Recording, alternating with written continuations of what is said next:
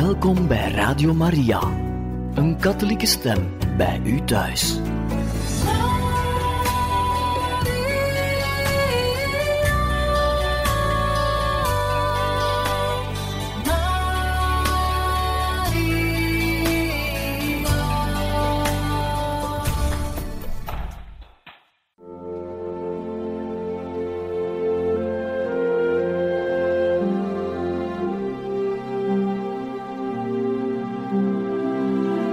Beste luisteraars van Radio Maria, welkom bij het programma Catechismus. Een overweging bij de geloofschat van de kerk.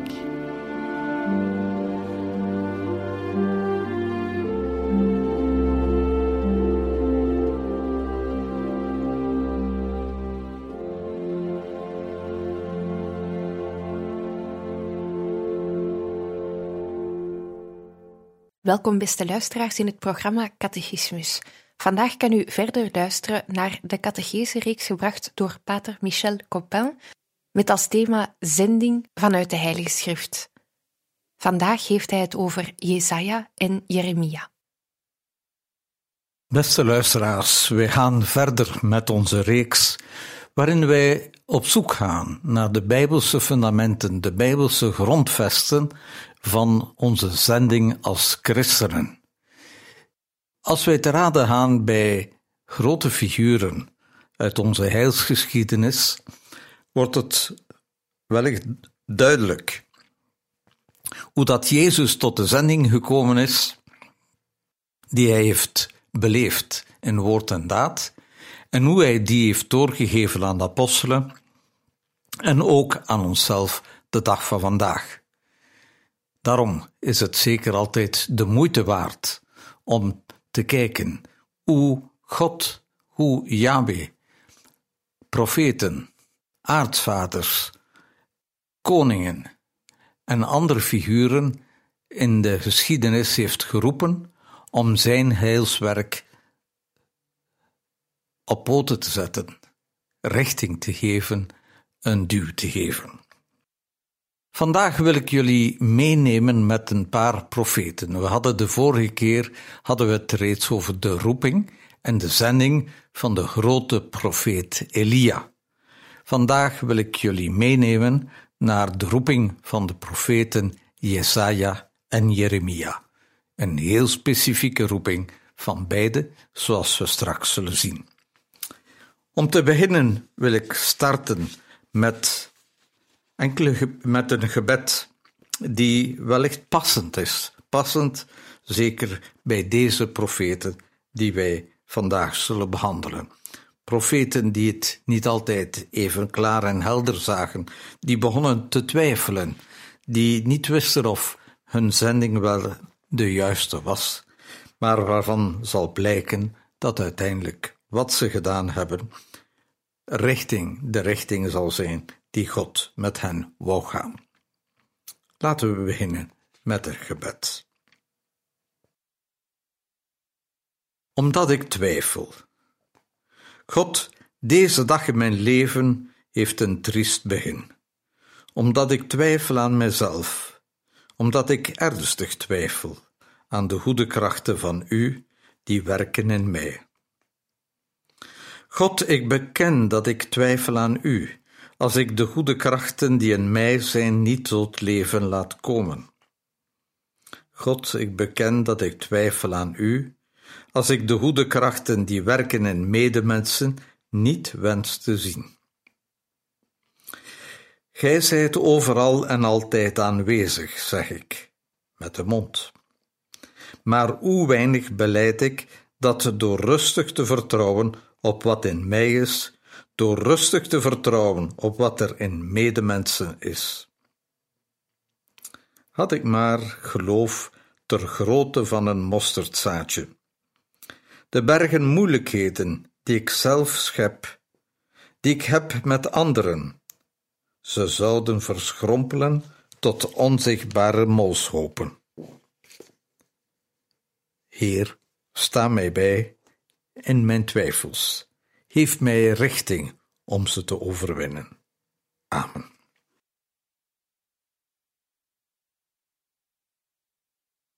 Om de roeping van de profeet Jesaja te leren kennen, moeten we kijken naar het zesde hoofdstuk van dat profetenboek. En daar lezen wij het volgende. In het jaar dat koning Uzia stierf, zag ik de Heer. Hij zat op een hoge troon. De onderkant van zijn mantel vulde de hele tempel. Boven hem stonden engelen. Die engelen hadden allemaal zes vleugels. De engelen riepen tegen elkaar: Heilige zij, heilig, heilig is de machtige Heer. Overal op de aarde kun je zien hoe machtig hij is. De engelen riepen zo hard dat de deuren van de tempel begonnen te schudden, en overal in de tempel was rook. Toen werd ik bang en ik schreeuwde. Vanaf nu moet ik zwijgen. Ik mag niet meer spreken als profeet, want ik heb mijn eigen, met mijn eigen ogen de machtige Heer gezien, onze koning. En dat mag niet, want ik ben schuldig. Ik doe verkeerde dingen, net als de mensen om mij heen. Maar een van de engelen pakte met een tang een gloeiend kooltje van, van het altaar. Hij vloog met dat kooltje naar me toe en raakte daarmee mijn lippen aan. Toen zei hij: Nu ben je niet meer schuldig, alles wat je verkeerd gedaan hebt, is jou vergeven. Toen hoorde ik de stem van de Heer. Hij zei: Wie zal ik naar mijn volk sturen? Wie kan er namens mij spreken? En ik zei: Ik, u kunt mij sturen. Het mooie verhaal van een grote profeet, die voor eerst twijfelt aan zichzelf, om dan werkelijk uiteindelijk na bepaalde, in een bepaalde context tot het besluit te komen dat God hem mag zenden. Het verhaal begint met de aankondiging van het sterfjaar van koning Uzia. Dat situeren we rond 740 voor Christus. Op zich is deze aankondiging een te verwaarlozen detail. En toch zit er meer achter. Het gaat namelijk om de aankondiging van een nieuwe tijd binnen de heilsgeschiedenis. Een nieuwe tijd waarin God weerom centraal komt te staan. Net zoals Saul had koning Uzia de spelregels met God ofwel niet nagevolgd ofwel overtreden. Overtreden door zelf het, een wierookoffer te offeren. En als straf was hij aan melaatsheid gestorven. Dat wil zeggen, wie zich het recht toe-eigent om boven God te staan, komt onherroepelijk ten val. De schrijfstijl van dit roepingsverhaal zal ons wel wat eigenaardig in de oren klinken. Het gaat over een hoog verheven troon. Eh, dat zorgt voor afstandelijkheid. Het gaat over een sleep die de hele vloer van de tempel bedekt. Een tempel die omgeven wordt door serafs, elk met bovendien nog eens zes vleugels, en die luide gezangen zongen. Bovendien deed hun geluid de drempels in hun voegen schudden. En als dat nog niet voldoende was, stond het hele heiligdom vol van rook. Het lijkt wel een rockfestival van de beste soort, want zo'n atmosfeer weten hedendaagse jongeren wel aan te spreken. En we zouden kunnen afvragen waarom. Want het is dit juist dat wij op heel wat rockfestivals zien zulke tafereelen van rook, van engelen met zes vleugels, van uh, een geluid dat werkelijk een podium doet taveren. Het is in deze context dat de profeet Jezaja zijn roeping ontvangt en door God gezonden wordt. Bovendien is heel de aarde vol van zijn glorie. Zijn manier van omgaan met de mens en de hele schepping is van zodanige aard dat ze door allen als weldoende ervaren wordt. God mag er zijn. God heeft zijn plaats binnen dit alles. Hij wist er een goede reputatie op te bouwen. Maar hier tegenover staan de woorden van Jesaja. Tegenover dit groot spektakel staan heel schamele woorden van een profeet. Wee mij, ik ben verloren, want ik ben een mens met onreine rippen, lippen. En toch hebben mijn ogen de koning, de Heer der hemelse machten gezien. Het zien van God in de ogen van die tijd de grootste fout die men kon begaan. Mijn ogen hebben de koning gezien.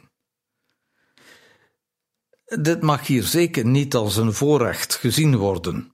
Wie in het Oude Testament God ziet, haat dood, moet sterven.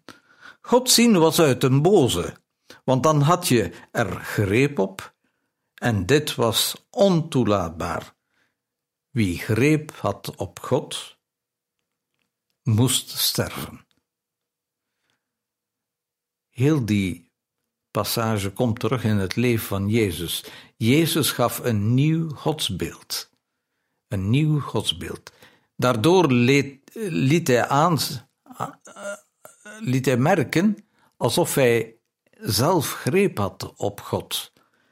En juist omdat hij over God sprak en precies wist waar het bij God om te doen was, zal hij uiteindelijk ook aan het kruis sterven.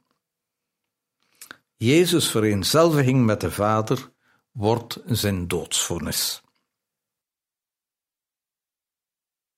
Het gaat over de seraf die twee van hun zes vleugels gebruikten om hun gelaat te bedekken twee van hun vleugels dienden om te voorkomen dat ze God konden zien.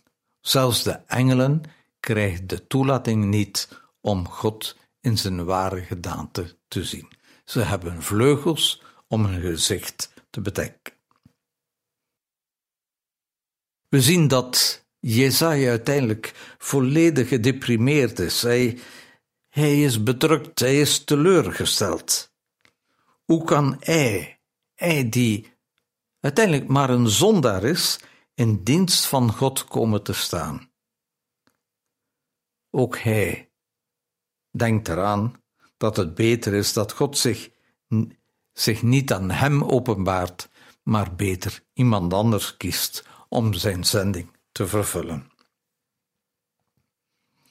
En dan zien we een volgend tafereel. Een seraf brengt Jesaja met gloeiende houtskolen hij vliegt Jesaja tegemoet en raakt er de mond van Jesaja mee aan. Heel dikwijls wordt de mond als de bron van alle kwaad en boosheid aanzien. En terecht. Maar de mond met een gloeiende houtskool aanraken, heeft hier dan de betekenis van een zuiveringsrite.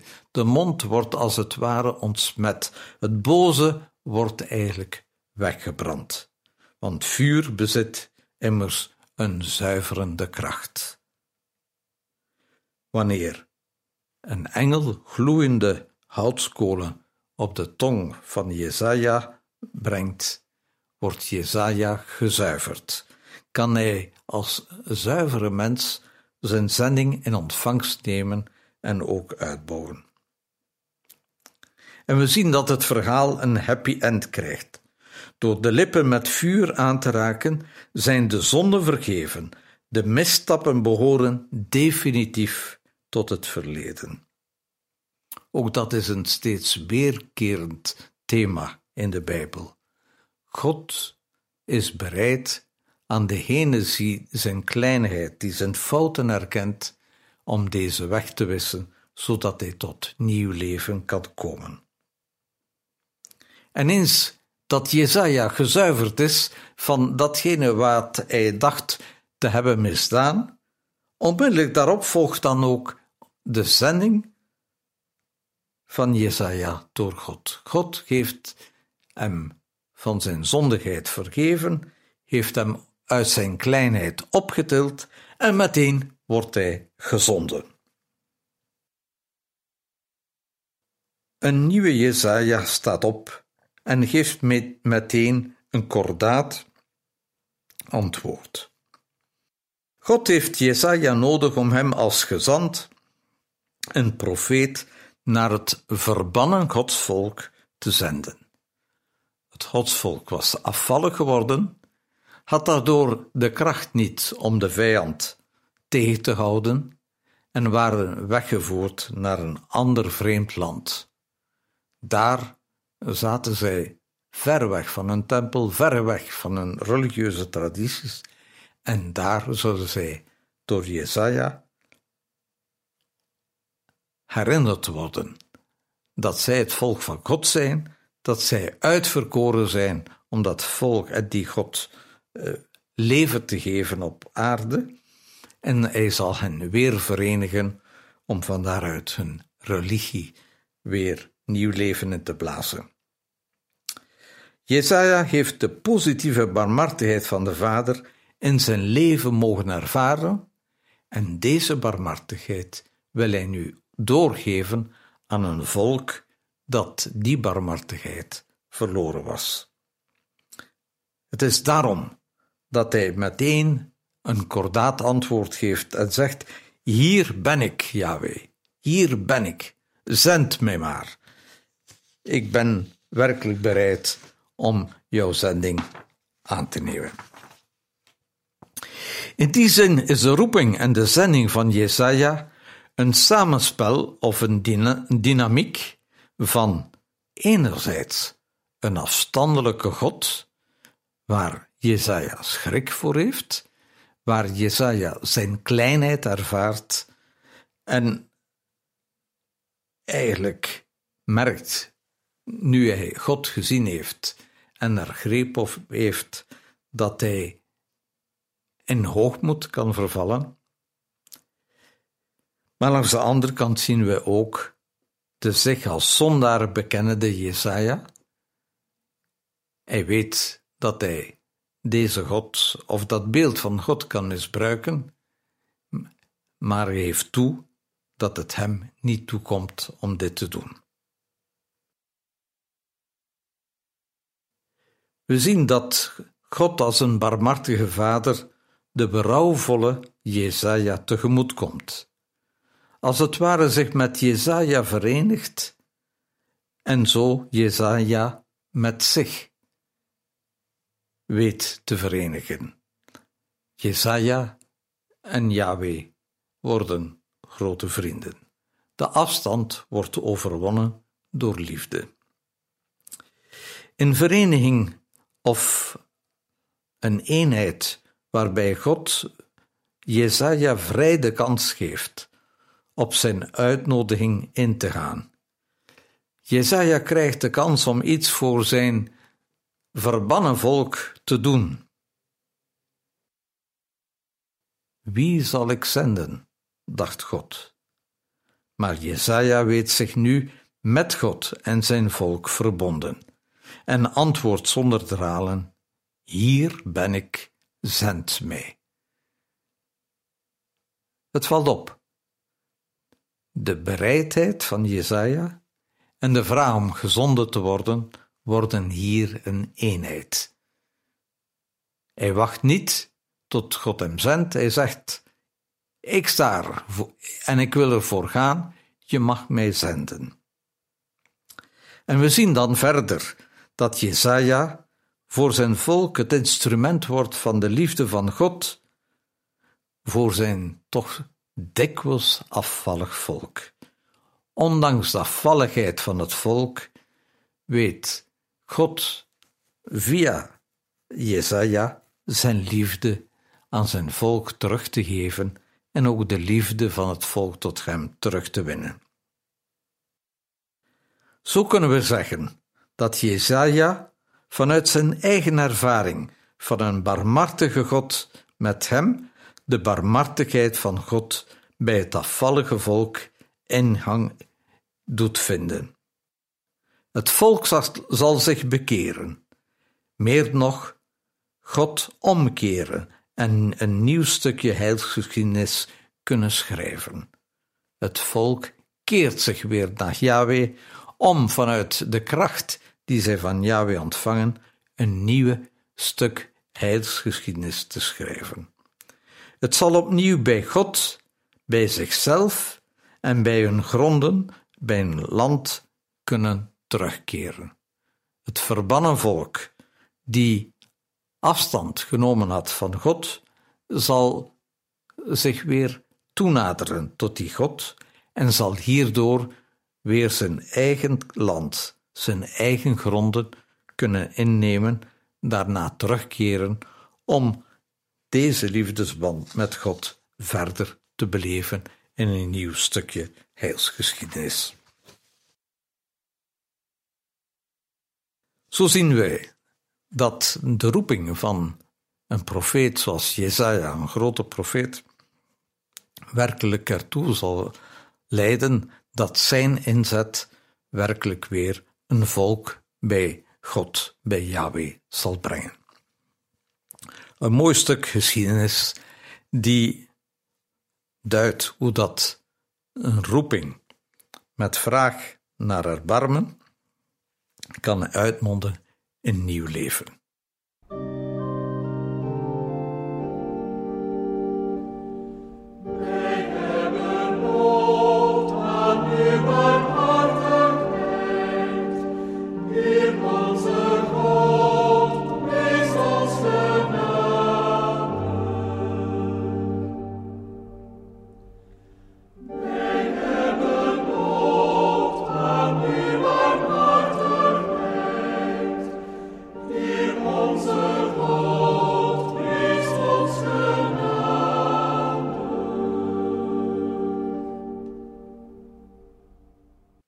Diezelfde lijn wil ik het vandaag ook hebben over een tweede grote profeet, namelijk de profeet Jeremia. Laten we zien hoe zijn roeping, niet alleen hoe zijn roeping zich ontwikkeld heeft, maar ook hoe zijn zending, welke concrete zending hij in zijn leven gekregen heeft. Wij gaan daarbij ten rade bij het eerste hoofdstuk van het boek Jeremia. De Heer zei tegen mij: Jeremia, ik geef je een bijzondere taak. Ik heb je al uitgekozen voordat je geboren was, zelfs al voordat ik je liet groeien in de buik van je moeder. Jij moet profeet zijn voor alle volken. Ik zei: Nee, Heer mijn God, dat kan ik niet, daar ben ik te jong voor. Maar de Heer zei: Zeg niet dat je te jong bent, maar doe wat ik zeg. Ga naar iedereen toe naar wie ik je stuur, en zeg tegen hen alles wat ik je zeg. Je hoeft voor niemand bang te zijn, want ik ben bij je. Ik zal je redden als je in gevaar bent. Toen stak de Heer zijn hand uit en hij raakte mijn mond aan. Hij zei tegen mij: Ik leg mijn woorden in jouw mond. Vanaf nu heb jij macht over alle landen en volken. Je hebt de macht om volken weg te halen uit hun land en om alles af te breken, te vernietigen en kapot te maken. Maar je hebt ook de macht om volken terug te laten gaan naar hun land en om alles weer op te bouwen.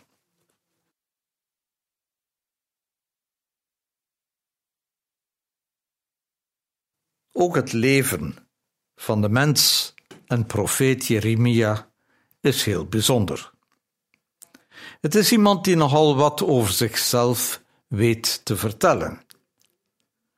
Hij heeft het over zijn emoties, over zijn pijn en verdriet, over Gods volk en hun dikwijls slechte verhouding ten opzichte van hun God Yahweh. Hij maakt daarom een, een heel wat innerlijke strijd mee.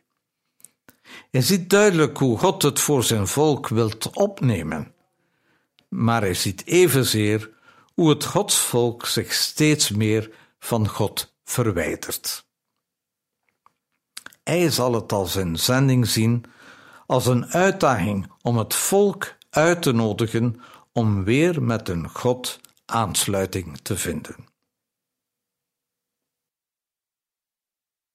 Het leven van, van Jeremia laat zien hoe iemand in zijn leven en in zijn band met God door hoogten en diepten heen gaat. Jeremia was een mens van vlees en bloed, die binnen zijn leven een echte strijd voerde. Hij had geen gladgestreken leven zonder ups en downs, en kon daarom voor, voor ons als heel herkenbaar, en hij kan daarvoor voor ons als heel herkenbaar overkomen. Maar ondanks de moeilijkheden wijde hij zijn leven een en al aan God toe. God stond voorop in zijn leven. God kwam op de eerste plaats. Door zijn taak en optreden als een echte profeet moest hij van velen een grote tegenstand ervaren. Velen waren helemaal niet blij met zijn optreden en hij werd derhalve ook door zijn eigen volk verworpen. We zien dat deze geschiedenis van Jeremia zich ook bij Christus zal herhalen. Zoals Johannes 3 het uitdrukt. Hij kwam tot de zijnen en de zijnen hebben hem, Jezus, niet aangenomen. Net als Jezus had Jeremia met Jeruzalem van doen. Net als Jezus werd hij zonder reden gevangen genomen en veroordeeld, zonder zich schuldig gemaakt te hebben. Het is de kracht van de geest van God die Jeremia staande houdt. Het is dezelfde geest door wie hij de veroordeling van het volk zal aankondigen.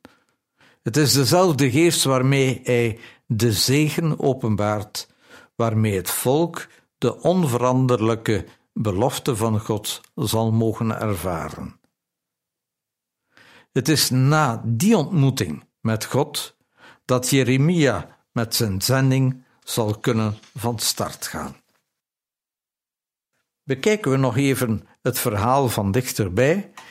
En zo zien we dat in het roepings- en zendingsverhaal van Jeremia eigenlijk bepaalde elementen zijn die wij blijkbaar bij de meeste roepingsverhalen terugzien.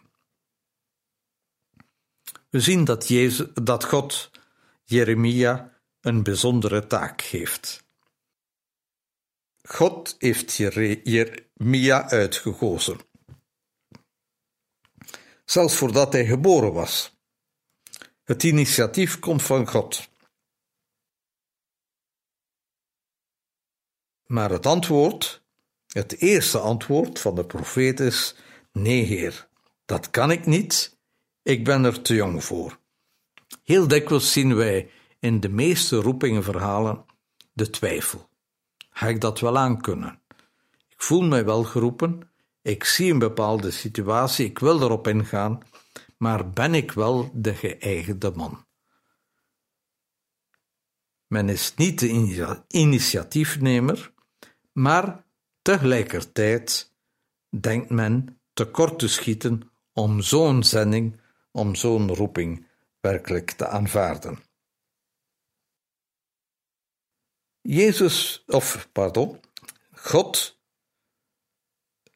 weet de argumenten eh, van Jeremia eigenlijk ongedaan te maken. Het argument dat je te jong bent, neemt hij niet aan. Onmiddellijk krijgt hij de opdracht: Je moet naar iedereen toegaan naar wie ik jou stuur. En zeg tegen hen alles wat ik je zeg. Ik kan me voorstellen dat Jeremia, de jonge Jeremia, in zijn haren zal gegrapt hebben en gedacht hebben bij zichzelf: Ja, welk woord moet ik uitspreken? Welk is de boodschap die ik moet uit, van God die ik bij de mensen moet brengen? En altijd komt dan het antwoord van God: Je hoeft voor niemand bang te zijn. Je hoeft niet bang te zijn dat je de woorden niet zult vinden om eigenlijk datgene wat ik aan mijn volk wil geven, doorgeven, uit te drukken. Want ik ben bij je. Het is altijd, je wordt gezonden, maar je wordt niet aan je lot overgelaten. God gaat mee met degene die hij zendt. En meer nog, de zending kan een gevaar betekenen voor je eigen leven. Je kan je eigen leven verliezen maar er komt de belofte, er is de belofte van God: ik zal je redden als je in gevaar bent. Heb geen schrik, ik ben met jou en als de nood het hoogst wordt, zal ik er zijn om jou te redden. Een profeet moet spreken. Een profeet moet de juiste woorden vinden om de heilsboodschap van God aan een godsvolk door te geven. Zijn woorden moeten helder zijn. Zijn, woorden, zijn boodschap moet zuiver zijn.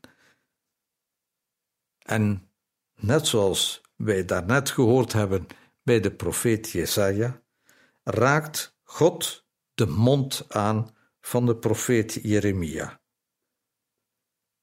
En hij zegt meteen: Ik leg mijn woorden in jouw mond. De profeet moet zelf niet op zoek gaan naar wat hij zal zeggen. Wat hij, hij krijgt de woorden van God in zijn mond. Het is als het ware God die zelf spreekt in vanuit de mond vanuit de, de profeet. En bovendien krijgt hij die gezonden wordt nu alle macht over alle landen en alle volken. Je hebt zelfs de macht om een volk dat verbannen werd door een sterker volk, om dat volk te leiden en terug te brengen naar het land van waar het verbannen werd. Je hebt de macht om de macht te breken van zij die mijn volk hebben vernederd. Je kunt het zelfs vernietigen, kapot maken. Maar het positieve is belangrijker. Je hebt de macht om volken terug te laten gaan naar een land om alles weer op te bouwen.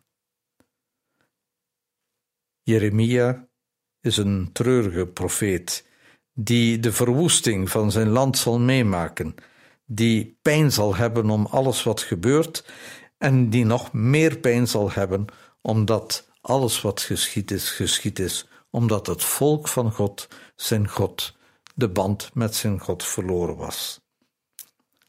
Hij, de profeet, krijgt de moeilijke opgave om die band te herstellen. God reikt de hand toe om het volk dat de liefde tot zijn God verloren was, om deze liefdesband te herstellen. Hij krijgt de opdracht, hij krijgt de zending om naar het zogezegde verloren godsvolk te gaan en hen wakker te schudden, hen aan te moedigen, ondanks vernieling en, en, en moord en, en dood, om hen te laten weten dat God een nieuw verbond wil sluiten of dat hij zijn oud verbond wil hernieuwen. Een duidelijke zending, een duidelijke roeping van een jonge profeet die doorheen pijn, ontgoocheling en vernedering uiteindelijk er toch zal, er toch zal in slagen om het volksgod, volk van God weer tot God te brengen, weer tot zichzelf te brengen, weer te leiden naar hun land van melk en honing dat God hen had beloofd.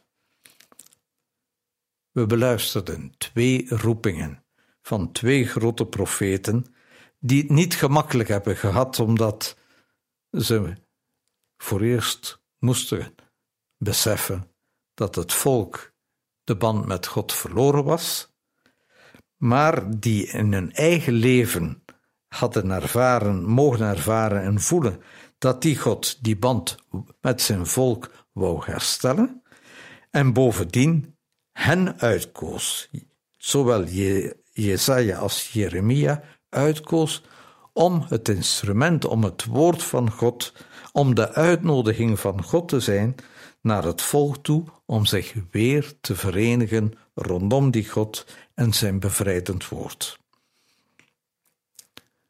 De geschiedenis van de roeping van deze profeten is een geschiedenis is een van heil, van nieuw leven, van de uitgestoken barmhartige hand van God, die zijn volk uitnodigt weer vriendschap met hem te stichten en ervoor te zorgen dat ze weer in hun eigen land, in hun eigen gebied, hun leven kunnen ontplooien. Mooie verhalen die ons ook vandaag richting kunnen geven, die ook aan ons vandaag blijdschap kunnen geven, die ervoor kunnen zorgen dat wij als gelukkige christenen ons gezonde weten in een, in een tijd van duisternis. Ik wil eindigen met het volgend gebed. Heer God, geef ons moed om steeds verder te gaan, ook als zij niet alle uren vol van onbevangen vreugde. Geregeld breken dagen aan, waarop we moeilijk vooruitkomen. We weten het maar al te goed dat uw schaduwloos geluk ons hier niet is gegeven. Als tegenslag en pijn, zwaarmoedigheid en rouw ons deel zijn, leer ons dan, Heer, die pijn te verwerken en de kracht te verzamelen om niet ten onder te gaan. Laat ons vertrouwen, Heer, dat uw licht altijd de duisternis uit ons hart zal verdrijven, zodat we het leven weer kunnen liefhebben. Beste luisteraars, ik dank u voor jullie aandacht en ik hoop dat dit woord jullie ook in de komende dagen ergens met de liefde van God kan vervullen en ons op weg kan zetten om ons eigen Christ te zijn vanuit ons doopsel te beleven als een zending. Tot een volgende samenkomst. Dank u. Uw vrede vult dit huis, een glimp van heerlijkheid daalt in onze harten neer. Vader, kom om aan, wie naar u verlangt. Geest daalt op ons leven neer. En uw liefdeslied vervult ons met aanbidding. Uw geest getuigt in ons,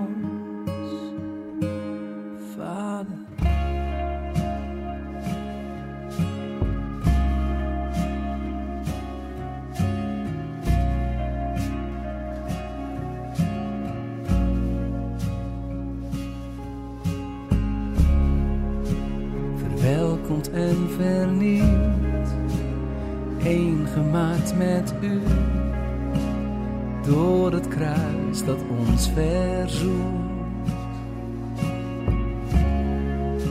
Het hemelkoor verstilt als uw zachte stem over onze leven zingt.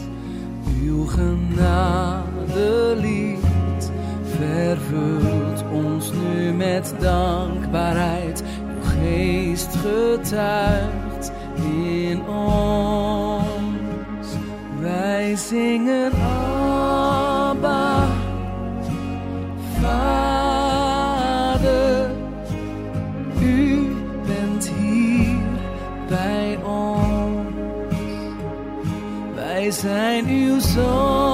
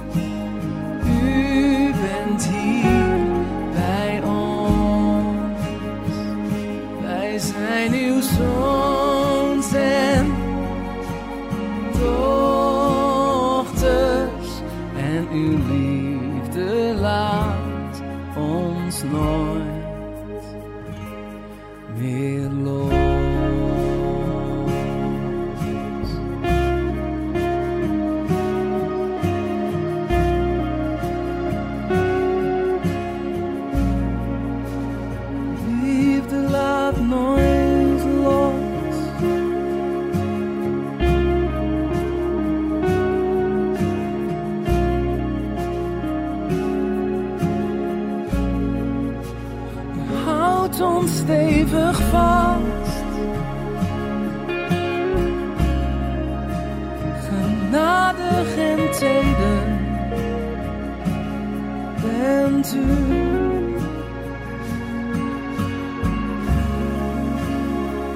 Brengt ons veilig thuis.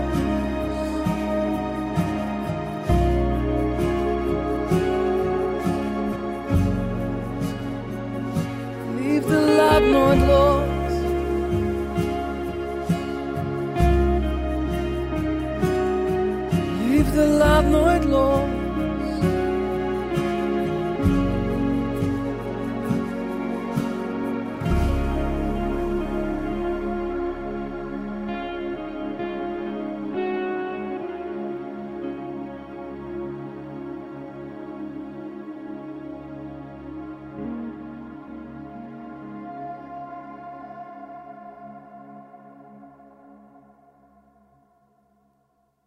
Tot zover de catechese voor vandaag.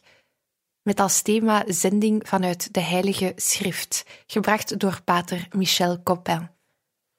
Radio Maria wenst u nog een mooie dag toe.